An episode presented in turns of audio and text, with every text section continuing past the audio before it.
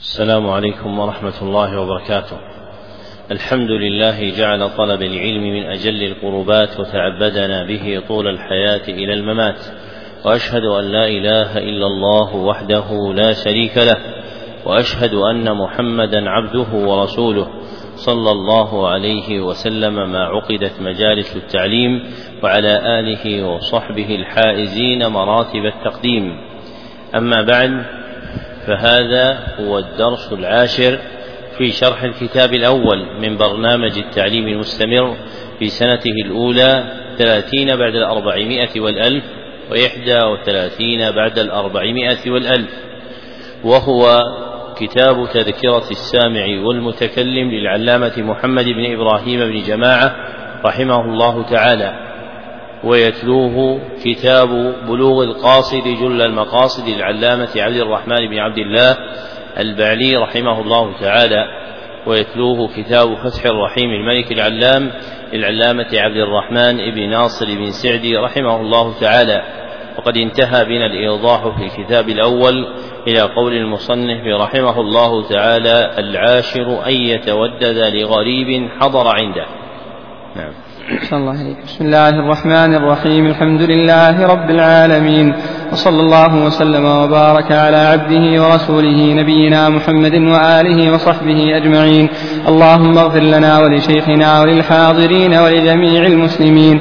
قال المؤلف رحمه الله تعالى العاشر أن يتودد لغريب حضر عنده وينبسط له لينشرح صدره. فإن للقادم دهشة ولا يكثر ولا يكثر الالتفات والنظر إليه استغرابا له فإن ذلك مخجله. وإذا أقبل بعض الفضلاء وقد شرع في مسألة أمسك عنها حتى يجلس وإن جاء وهو يبحث في مسألة أعادها له أو مقصودها. وإذا أقبل فقيه وقد بقي لفراغه وقيام الجماعة بقدر ما يصل الفقيه إلى المجلس. فليؤخر تلك البقية ويشتغل عنها ببحث أو غيره إلى أن يجلس الفقيه ثم يعيدها أو يتم تلك البقية كي لا يخجل المقبل بقيامهم عند جلوسه. وينبغي مراعاة مصلحة, الجماعة في تقديم وقت الحضور وتأخيره. إذا لم تكن عليه فيه ضرورة ولا مزيد كلفة. وأفتى بعض أكابر العلماء أن المدرس إذا ذكر الدرس في مدرسة قبل طلوع الشمس أو أخره أو أخره إلى بعد الظهر لم يستحق معلوم التدريس إلا أن يقتضيه شرط الواقف لمخالفته العرف المعتاد في ذلك. لا يزال المصنف رحمه الله تعالى يذكر الآداب التي تتعلق بآداب العالم في درسه وقد انتهى بها رحمه الله تعالى إلى الأدب العاشر وحاصل ما ذكره فيه أن من الآداب التي ينبغي أن يرعاها المعلم أن يتودد لغريب حضر عنده وينبسط له لينشرح صدره فإن للقادم دهشة وللغريب حرمة ومن حفظ حرمته التودد إليه رغبة في تأليفه وتقريبه إلى العلم.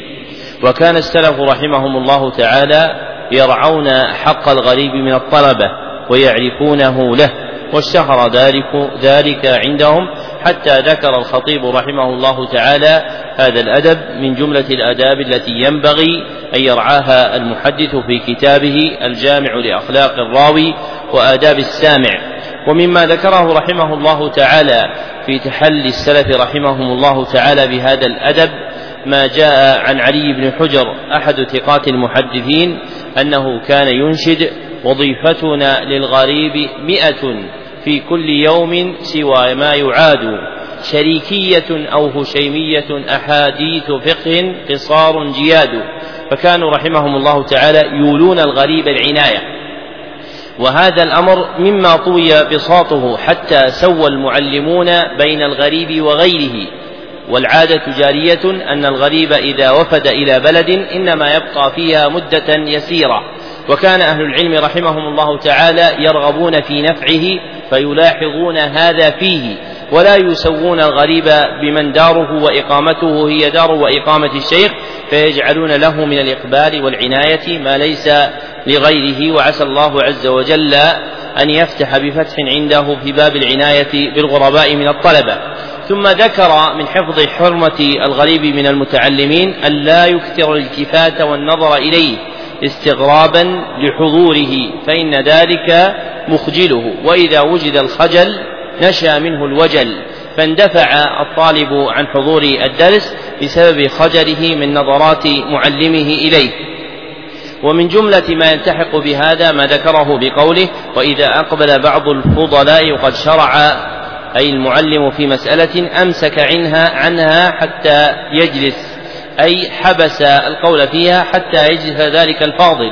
وإن جاء وهو يبحث في مسألة أعادها له أو مقصودها ليحصل انتفاعه بها ولتحفظ بها حرمته. فإن الفاضل له حرمة بخلاف من لا يعرف. فإن الذي يحضر حلقة الدرس وهو لا يعرف ليس حاله كحال الفاضل الذي يعرف. فلا بد من رعاية هذا ائتمارا بأمر الشريعة في رعاية مراتب الناس. فإن من مسالك الشرع التي استفاضت بها الأدلة قرآنا وسنة أن الناس لهم منازل وقدر منازل وقدر تنبغي رعايتها ومن جملة ذلك ما ذكره المصنف ها هنا. ومنه أيضا ما ذكره بقوله وإذا أقبل فقيه وقد بقي لفراغه وقيام الجماعة أي الطلبة بقدر ما يصل الفقيه إلى المجلس فليؤخر تلك البقية ويشتغل عنها ببحث أو غيره إلى أن يجلس الفقيه ثم يعيدها أو يتم تلك البقية كي لا يخجل المقبل بقيامهم عند جلوسه. فإذا صدف حضور إنسان مشار إليه مقبلا إلى حلقة الدرس وكان المعلم على وشك على وشك الانقضاء منه فإنه ينبغي له أن يطيله بما يحفظ لهذا القادم من الفضلاء والفقهاء مقامه لئلا ينفض الجماعة عند جلوسه بينهم فيحصل له خجل بذلك. ثم قال وينبغي مراعاة مصلحة الجماعة في تقديم وقت الحضور وتأخيره إذا لم تكن عليه فيه ضرورة ولا مزيد كلفة. وهذا من جنس إقامة الصلاة ومراعاة الجماعة فيها. فإن الإمام يلاحظ حضورهم فإذا اجتمعوا صلى وإذا تأخروا أخر كما كان ذلك هدي النبي صلى الله عليه وسلم. والعلم صلاة القلب فينبغي مراعاة هذا الأدب فيه. ثم ذكر من جملة شواهد هذه المراعاة في كلام بعض المفتين أن بعض أكابر العلماء أفتى أن المدرس الذي يدرس في مدرسة موقوفة إذا شرع في درسه قبل طلوع الشمس أو أخره إلى بعد الظهر لم يستحق معلوم التدريس لأن العادة جارية حينئذ أن الدرس لا يشرع فيه إلا بعد طلوع الشمس ولا يؤخر إلى بعد إلى بعد الظهر. فإذا أخل المعلم بهذا لم يستحق ما شرط له الواقف إلا أن يقتضيه شرط الواقف لأن الواقف له حق النظر فيما يشرطه فإذا شرط تقدم الدرس قبل طلوع الشمس أو تأخره بعد الظهر كان الأمر إليه. وإنما حكم من أفتى بذلك لأن العرف الجاري هو كما ذكر. والعرف المعتاد محكوم به ومن قواعد العلماء الجارية. قولهم رحمهم الله تعالى العادة محكمة وصوابها كما سلف العرف محكم ومن جنس هذا المسألة المذكورة هنا. نعم. الحادي عشر جرت, جرت العادة أن يقول المدرس عند ختم كل درس والله أعلم. وكذلك يكتب المفتي بعد كتابة الجواب لكن الأولى أن يقال قبل ذلك كلام يشعر بختم الدرس كقوله وهذا آخره أو وما بعده يأتي إن شاء الله. ونحو ذلك ليكون قوله والله أعلم خالصا لذكر الله تعالى. ولقصد معناه ولهذا ينبغي أن يستفتح كل درس ببسم الله الرحمن الرحيم ليكون ذاكرا لله تعالى في بدايته وخاتمته. والأولى للمدرس أن يمكث قليلا بعد قيام الجماعة فإن فيه فوائد وآدابا له ولهم منها عدم مزاحمتهم ومنها إن كان في نفس أحد بقايا سؤال سأله ومنها عدم ركوبه بينهم إن كان يركب وغير ذلك. ويستحب إذا قام أن يدعو بما ورد به الحديث سبحانك اللهم وبحمدك لا إله إلا أنت أستغفرك وأتوب إليك. ذكر المصنف رحمه الله تعالى الأدب الحادي عشر من آداب العالم في درسه وعاد فيه رحمه الله تعالى المعلمين الذين يتخذون قول والله أعلم شعارا لختم الدرس. فإن جعلها شعارا لختم الدرس يذهب المقصود منها من ذكر الله سبحانه وتعالى ورد العلم إليه فكأنها صارت كلمة جارية من باب العادة يجعلها المعلم مشعرة بالختم فيذهب المقصود منها. ورأى رحمه الله تعالى أن الأولى أن يأتي المعلم بكلام يشعر بختم الدرس كقوله وهذا آخره أو وما بعده يأتي إن شاء الله. ثم إن قال بعد ذلك والله أعلم حصل المقصود منها لأن الختم أشعر بغيرها وخلصت هذه الكلمة في كونها ذكرا لله سبحانه وتعالى وإيقاعا لمعناها كما ينبغي. وقول القائل والله أعلم في مسائل العلم له مأخذان اثنان. أحدهما الإعلام بأن هذا العلم الذي يبثه وينشره هو مما علمه الله سبحانه وتعالى إياه ففي رد العلم إلى الله سبحانه وتعالى إخبار بالمنعم حقا والمتفضل صدقا وهو الله سبحانه وتعالى فإنه لولا سيب جوده ومحض فضله لم يكن للمعلم قدرة على البيان والإبانة ولكن الله عز وجل أخدمه ما شاء من أبكار العلم وهيأ له أسبابه حتى جعله من المعلمين. والآخر الإعلام بأن مشكل العلم وغامضه يرد علمه إلى الله سبحانه وتعالى. فإن العلم على درجات في بيانه ووضوحه ومنه مشكل غامض تحار فيه العقول. فيكون قول القائل بعده والله أعلم إخبارا برد العلم التام إلى الله سبحانه وتعالى. والغالب استعمال هذا المأخذ الثاني في المسائل المختلف فيها.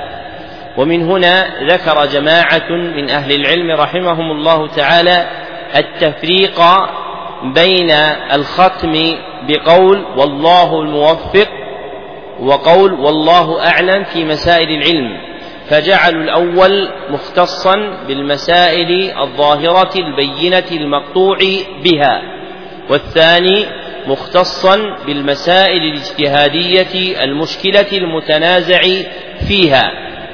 فإذا سئل سائل عن عدد الصلوات المفروضة على العبد فأجاب الصلوات المفروضة على العبد في اليوم والليلة خمس وذكر دليل ذلك في الصحيح من حديث طلحة خمس صلوات في اليوم والليلة ثم قال والله الموفق كان هذا مناسبا للمحل.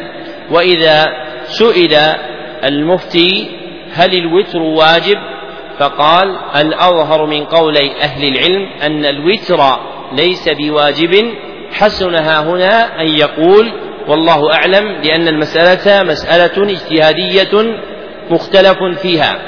وهذا من تفنن أهل العلم رحمهم الله تعالى في رعاية ما يتكلمون به. وإذا كانت الكلمة أمانة يؤمر العبد بحفظها فأحق الناس بحفظها هم أهل العلم رحمهم الله تعالى. ولأجل هذا كان لهم كلمات وجيزة يعبرون بها عن مقاصد عظيمة كما ذكرت لك في هاتين الكلمتين والله الموفق والله أعلم. وإنما يؤخذ هذا بالدربة وصحبة أهل العلم. وأما من يألف الكتب ويفزع إليها ويلتمس العلم منها دون أخذ للعلم عن أهله فإنه يكون بمنأ عن سلوك أهل العلم ودربهم في مثل هذه المواضع. فتجد في كلامه العبارات الواسعة الفجة التي لا يتكلم أهل العلم رحمهم الله تعالى بهم. كمن يقول عن مذهب الجمهور في مسألة باطلة في مسألة مختلف فيها مرجحا سواه يقول في حق قول الجمهور وهذا قول باطل عاطل عن الدليل فمثل هذه الكلمة ليست من أدب العلم ولا عرفها الناس في الذين عرفوا بالعلم وهم جمهور أهله وإنما توجد في ألسنة أناس لم يأخذوا العلم عن أهله أو توجد في كلام من عد ذلك من زلاته كأبي محمد بن حزم وأبي عبد الله الشوكاني في آخرين رحمهم الله تعالى وعفى عنهم. ثم ذكر رحمه الله تعالى أنه ينبغي أن يستفتح المعلم كل درس ببسم الله الرحمن الرحيم ليكون ذاكرا لله تعالى في بدايته وخاتمته. ولا ريب أن التزام الأدب بذكر الله عز وجل في البدء والختم في كل محل مناسب أنه أدب عظيم. لكن توقيت البسملة دون غيرها في استفتاح الدروس فيه نظر. بل أشبه أن الدروس تلحق بالمأثور عن النبي صلى الله عليه وسلم في الخطب والمأثور عن النبي صلى الله عليه وسلم في الخطب إنما هو استفتاحها بالحمد لا استفتاحها بالبسملة. فالأولى أن يستفتح المعلم درسه بحمد الله سبحانه وتعالى ثم يختمه بذكر الله عز وجل وأمثله كما ذكر المصنف فيما يستقبل كفارة المجلس إذ قال ويستحب إذا قام أن يدعو بما ورد به الحديث سبحانك اللهم وبحمدك لا إله إلا أنت أستغفرك وأتوب إليك. وهذا حديث رواه الترمذي وغيره من طرق يقطع الناظر فيها أنه حديث ثابت عن النبي صلى الله عليه وسلم. وقد أسبل الحافظ ابن حجر الكلام عليه في فتح الباري وفي الإفصاح بالنكت عن ابن الصلاح رحمهم الله تعالى. وهذا الذي ذكرناه من التزام ذكر الله سبحانه وتعالى في مفاتح الدرس وخواتمه هو من الأدب. والأشبه والله أعلم أنه ينبغي للإنسان أن يجتهد في التزام بداية معينة لأن ضرب خط العشواء مخالف لهديه صلى الله عليه وسلم فإن النبي صلى الله عليه وسلم نقل في استفتاحه خطبه خطبة الحاجة الحمد لله نحمده ونستعينه إلى آخره. فالتزام هباجة يستفتح بها كل مقام مناسب هذا أشبه لأصول الشريعة وقواعدها. أما ارتجال الكلام كيفما اتفق فإنه ربما أخل بمقصود المتكلم وأحاله عن شيء هو بمنأ عنه في مقصوده الذي يريد أن يتكلم فيه.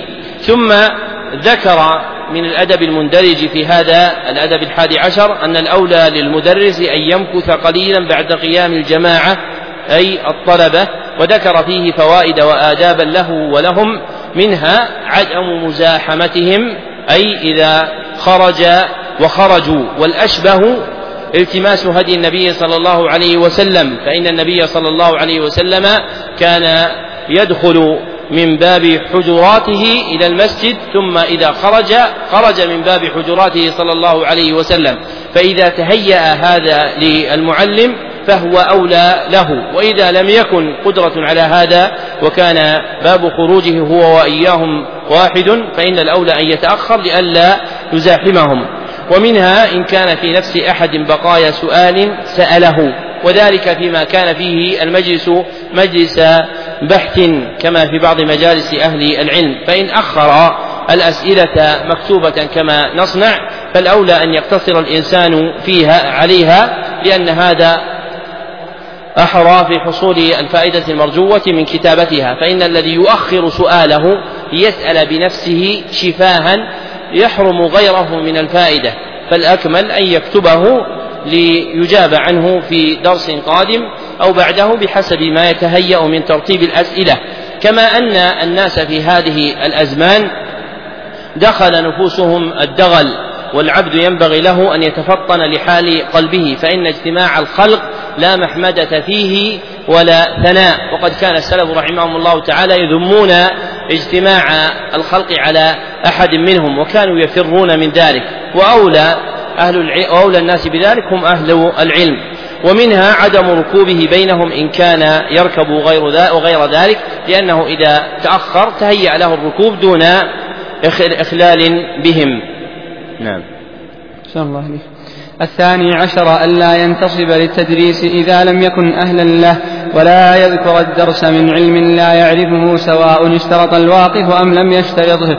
فإن ذلك لعب في الدين وازدراء بين الناس. قال النبي صلى الله عليه وسلم المتشبع بما لم يعط كلابس ثوبي زور. وعن الشبلي من تصدر قبل أوانه فقد تصدى لهوانه. وعن أبي حنيفة رضي الله عنه من طلب الرئاسة في غير حينه لم يزل في ذل ما بقي واللبيب من صان نفسه عن تعرضها لما يعد فيه ناقصا أو بتعاطيه ظالما أو بإصراره عليها فاسقا فإنه متى لم يكن أهلا لما شرطه الواقف في وقفه أو لما يقتضيه عرف مثله كان بإصراره على تناول ما لا يستحقه فاسقا فإن كان الواقف شرط في الوقف بأن يكون المدرس عاميا.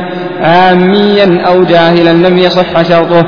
وإن شرط جعل ناقص مخصوص مدرسا سقط اسم الفسق وخطر الإثم به.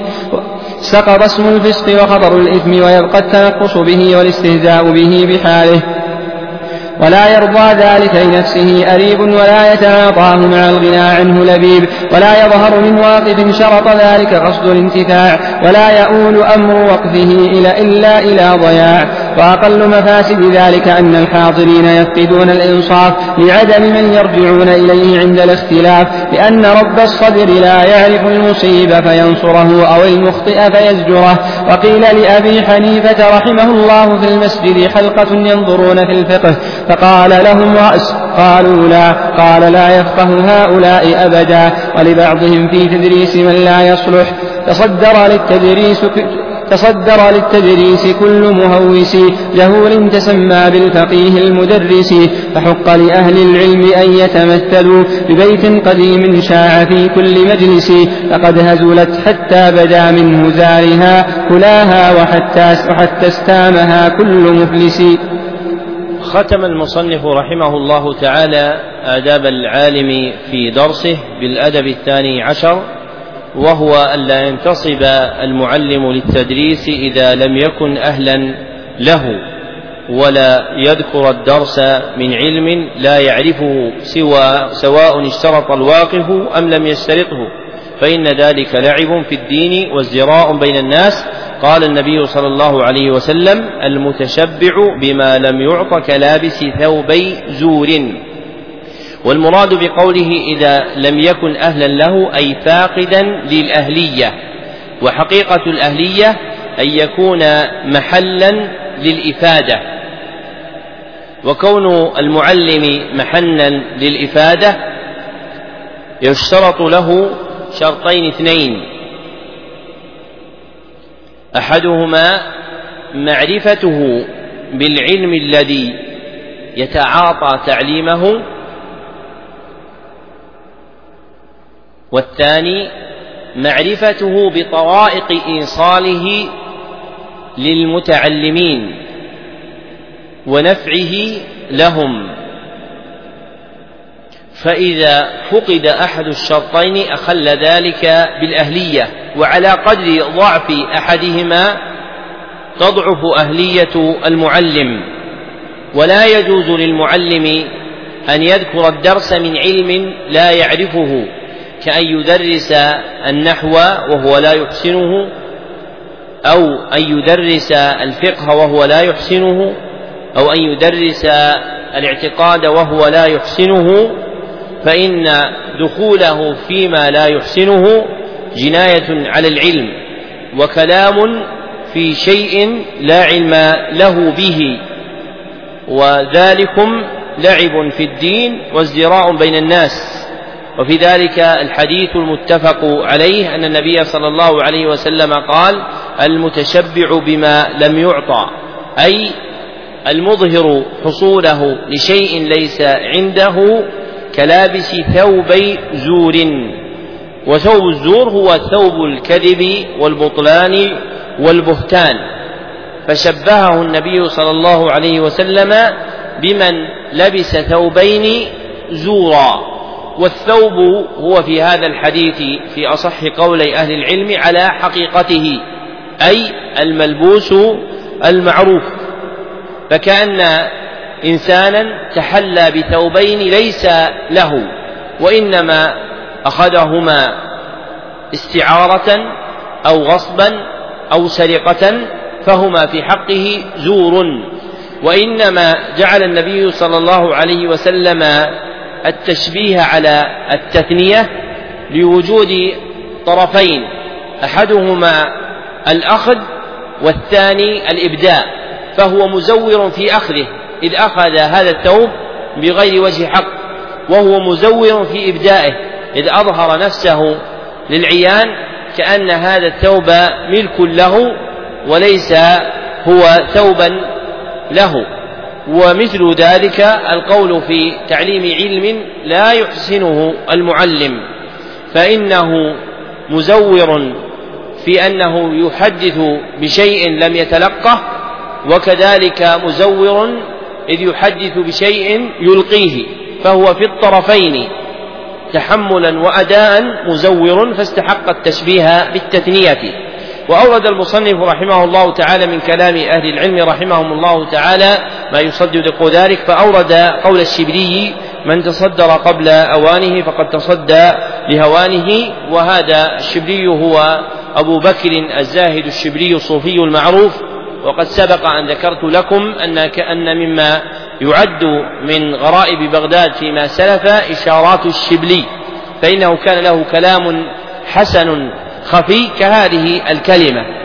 وإن كانت هذه الكلمة في الأصح أنها لأبي الطيب الشافعي الفقيه المعروف سهل بن أبي سهل الصعلوكي شيخ الحاكم والبيهقي رحمهم الله تعالى وأحد فقهاء الشافعية الكبار كما ذكرها عنه السبكي الذهبي في سير أعلام النبلاء ثم تلميذ تلميذه السبكي في طبقات الشافعية الكبرى وغيرهما من أهل العلم وإنما نسبها للشبل بعض المتأخرين والأشبه أنها من كلام أبي الطيب الشافعي الفقيه ثم أتبعها بقول أبي حنيفة من طلب الرئاسة في غير حينه لم يزل في ذل ما بقي وكلا القولتين تدل على أن المتعاطي لصنعة العلم إن تصدر قبل بلوغه غايته منه فإنه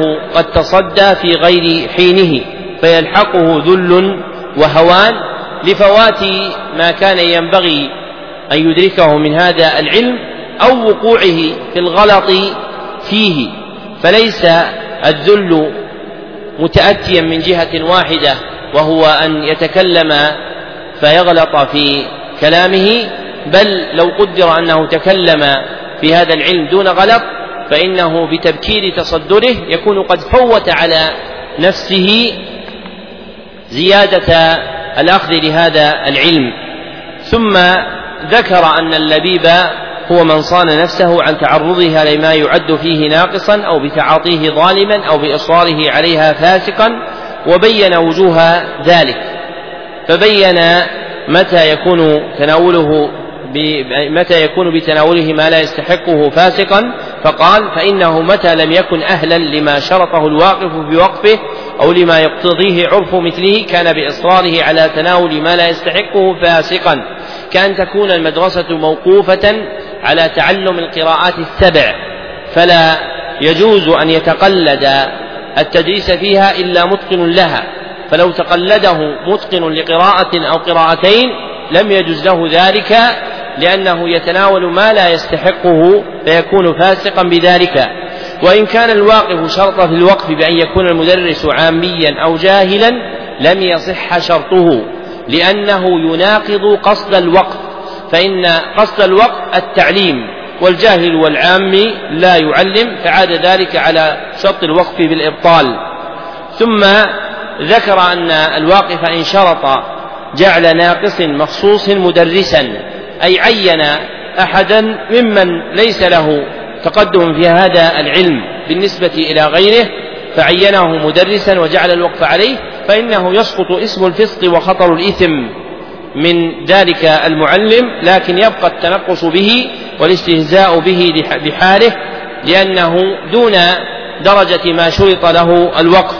كإذا وقف الواقف وقفا على أهل الزمان ثم جاء بقريب له فوضعه في هذا الوقت وله معرفة بالنحو لكنه ليس أنحى أهل زمانه فيقع في غلط وسهو وعجز عن تدريس بعض أبواب النحو فيحصل نقص بوجوده ويلحقه استهزاء بحاله ولا يرضى ذلك لنفسه أريب. ولا يتعاطاه مع الغنى عنه لبيب ولا يظهر من واقف شرط, شرط ذلك قصد الانتفاع ولا يؤول أمر وقفه إلا إلى ضياع كما قال المصنف. وذكر رحمه الله تعالى من مفاسد أن يتصدر للتدريس بوقف ناقص مخصوص. قال أقل مفاسد ذلك أن الحاضرين يفقدون الإنصاف لعدم من يرجعون إليه عند الاختلاف. لأن رب الصدر لا يعرف المصيب أي رب المجلس المتصدر فيه لا يعرف المصيب من هذه الأقوال فينصره أو المخطئ فيزجره. ثم أورد رحمه الله تعالى قول أبي حنيفة لما قيل له في المسجد حلقة ينظرون في الفقه فقال لهم رأس؟ قالوا لا. قال لا يفقه هؤلاء أبدا أي لهم مرجع. يرجعون إليه ويعلمهم ويفقههم لكونه أعلى رتبة منهم فهو معدود معلما لهم فلما أخبروه أنه لا يوجد قال لا يفقه هؤلاء أبدا وكما يقول أبو حنيفة هذا في حلقة ينظرون في العلم لا رأس لهم فأولى أن يقال ذلك في المناهج المقترحة لنيل العلم مما تتضمن الإحالة على قراءة كتاب كذا وكتاب كذا وكتاب كذا وكتاب كذا. فإن هذه بدعة محدثة حلت بالأمة بعد سنة أربعمائة بعد الألف. فألف من ألف في درجات العلم وطريقة أخذه ورتب ذلك درجات وعددها بقوله المرتبة الأولى أن يقرأ الطالب كذا وكذا ثم يقرأ كذا وكذا ثم يقرأ كذا وكذا ثم تتابع الناس بأخره على هذا. وصار أخذ العلم عن الشيوخ بمعزل. فصار الطالب يزعم أن المنهج الذي يأخذ به العلم هو أن يقبل على هذا المنهج الذي اقترحه بعضهم فيقرأ شرح ثلاثة الأصول للعلامة ابن عثيمين مثلا. ثم يقرأ القول المفيد شرح كتاب التوحيد لعلامة ابن عثيمين ثم يقرأ شرح الواسطية للعلامة ابن عثيمين. قال كاتبه ويكون بهذا قد حصل قدرا جيدا من معرفة الاعتقاد وأقول بل لم يحصل شيئا جيدا من معرفة الاعتقاد لأنه لا فهم له وليس المقصود في الفهم مجرد قدرتك على معرفة معنى الكلام ولكن المقصود بالفهم هو استقرار هذه المعاني في قلبك ولا يمكن أن تستقر هذه المعاني في قلب متعاطي العلم حتى يكون عنده من يلقي إليه هذه المعاني إلقاء. فإن علامة علم هذه الأمة أنه علم موروث بالأخذ عن الرجال كما صح عن النبي صلى الله عليه وسلم فيما رواه أبو داود بسند صحيح عن ابن عباس أن النبي صلى الله عليه وسلم قال تسمعون ويسمع منكم ويسمع ممن سمع منكم. وهذا الحديث أصل في كون العلم في هذه الأمة يؤخذ بالتلقي كما بينه الشاطبي رحمه الله تعالى في كتاب الموافقات.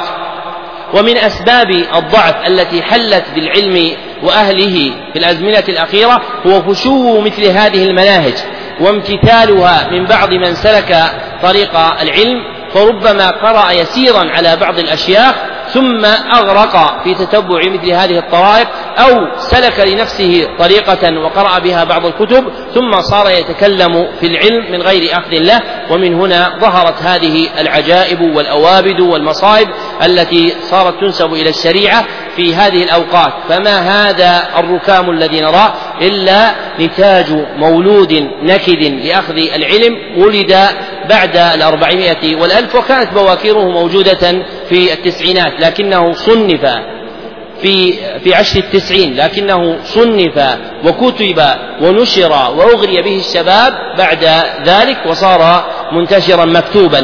والجامع لهؤلاء الذين كتبوا في هذا أنهم لم يتلقوا العلم عن العلماء كما ينبغي. وربما يكون بعضهم قد قرأ يسيرا.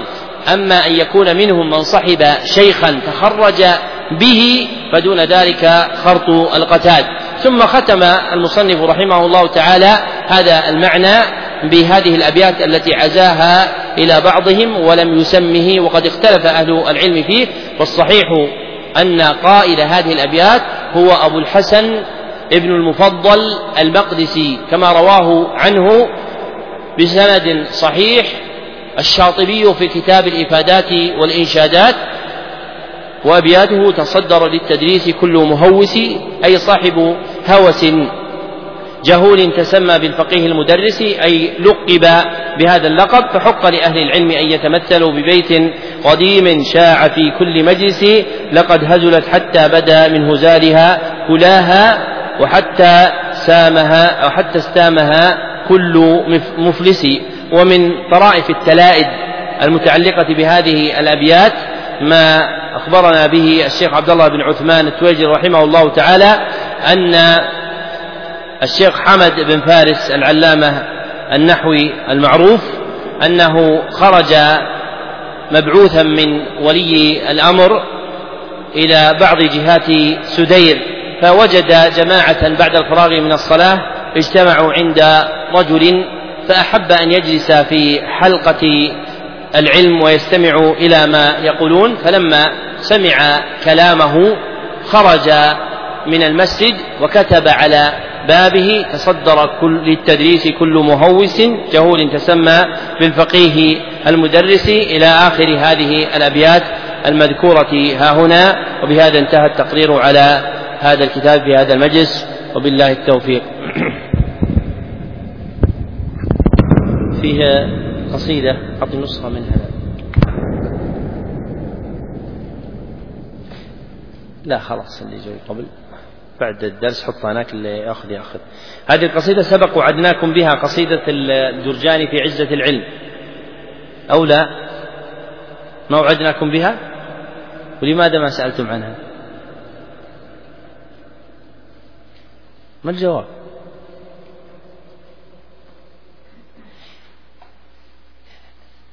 ها؟ لا ما فيه بالعكس يستحثني اللي يسألني عنها. مشيئة يعني إن شاء الله إن شاء الله تحقيقا. ما هو يعني إن شاء الله تمشية ترى نحن يا إخوان إلى الآن مع الطلبة.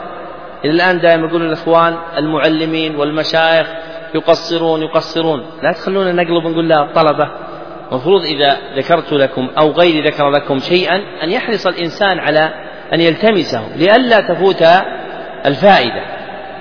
وهذه القصيدة في عزة العلم لها روايات لكن أصحها هذه الرواية التي ذكرتها من طريق السبكي في طبقاته رحمه الله تعالى. أقول بسم الله الرحمن الرحيم. أنشدنا حسين بن علي الحسني قراءة عليه قال أنشدنا أحمد بن عبد الرحمن الحسني إجازة عن داود بن عباس السالمي عن عبد الرحمن بن سليمان الأهدل عن محمد بن محمد الحسيني عن داود بن سليمان الخيبتاوي عن محمد الفيوم المصري عن يوسف بن عبد الله الأرميوني عن عبد الرحمن بن أبي بكر السيوطي عن محمد بن محمد بن فهد المكي عن محمد بن يعقوب الشيرازي عن عبد الوهاب بن علي السبكي أنشد قال أنشدنا أبو العباس بن المظفر بقراءة عليه قال أنشدنا الحسن بن علي الخلال بقراءته قال أنشدنا جعفر بن علي الهمداني سماعا عليه قال أنشدنا عبد الله بن عبد الرحمن العثماني قال كتب إلي محمود بن عمر الزمخشري من مكة وأجاز لي. معروف الزمخشري. صاحب الكشاف. قال أنشدنا أحمد بن محمد الخوارزمي قال أنشدنا المحسن بن محمد الجشمي قال أنشدنا إسماعيل بن محمد بن الحسن قال أنشدنا علي بن عبد العزيز الجرجاني لنفسه قال يقولون لي فيك انقباض وإنما رأوا رجلا عن موقف الذل أحجما أرى الناس من داناه مهان عندهم ومن أكرمته عزة النفس أكرما وما كل برق لاح لي يستفزني ولا كل من لاقيت أرضاه منعما وإني إذا ما فاتني الأمر لم أبت أقلب كفي إثره متندما ولم أقض حق العلم إن كان كلما بدا طمع صيرته لي سلما. إذا قيل هذا منهل قلت قد أرى ولكن نفس الحر تحتمل الظما ولم أبتذل في خدمة العلم مهجتي لأخدم من لاقيت لكن لأخدم أشقى به غرسا وأجنيه ذلة. إذا فاتباع الجهل قد كان أحزما. ولو أن أهل العلم صانوه صانهم ولو عظموه في النفوس لعظما. هكذا الرواية. والسبكي يستحسن أنه كان يكون لعظما. ولكن أهانوه فهان ودنسوا محياه بالأطماع حتى تجهما واستحسان السبكي ذكره في معيد النعم ومبيد النقم وليس في الطبقات. طيب هذه القصيدة إذا جاء واحد منكم يرويها ماذا يقول؟ أنشدنا مو الشيخ صالح. ما في الشيخ في الأسانيد ما في الشيخ وعلامة. هذه من زيادات المتأخرين. هذا شيخي وانظر إلى شيخي ومن فوقه. وجدت في البخاري قال حدثنا الشيخ علي بن المديني؟ لا. ولكن لما ضعف المتأخرون احتاجوا إلى الألقاب. ولما كمل المتقدمون استغنوا عن الألقاب.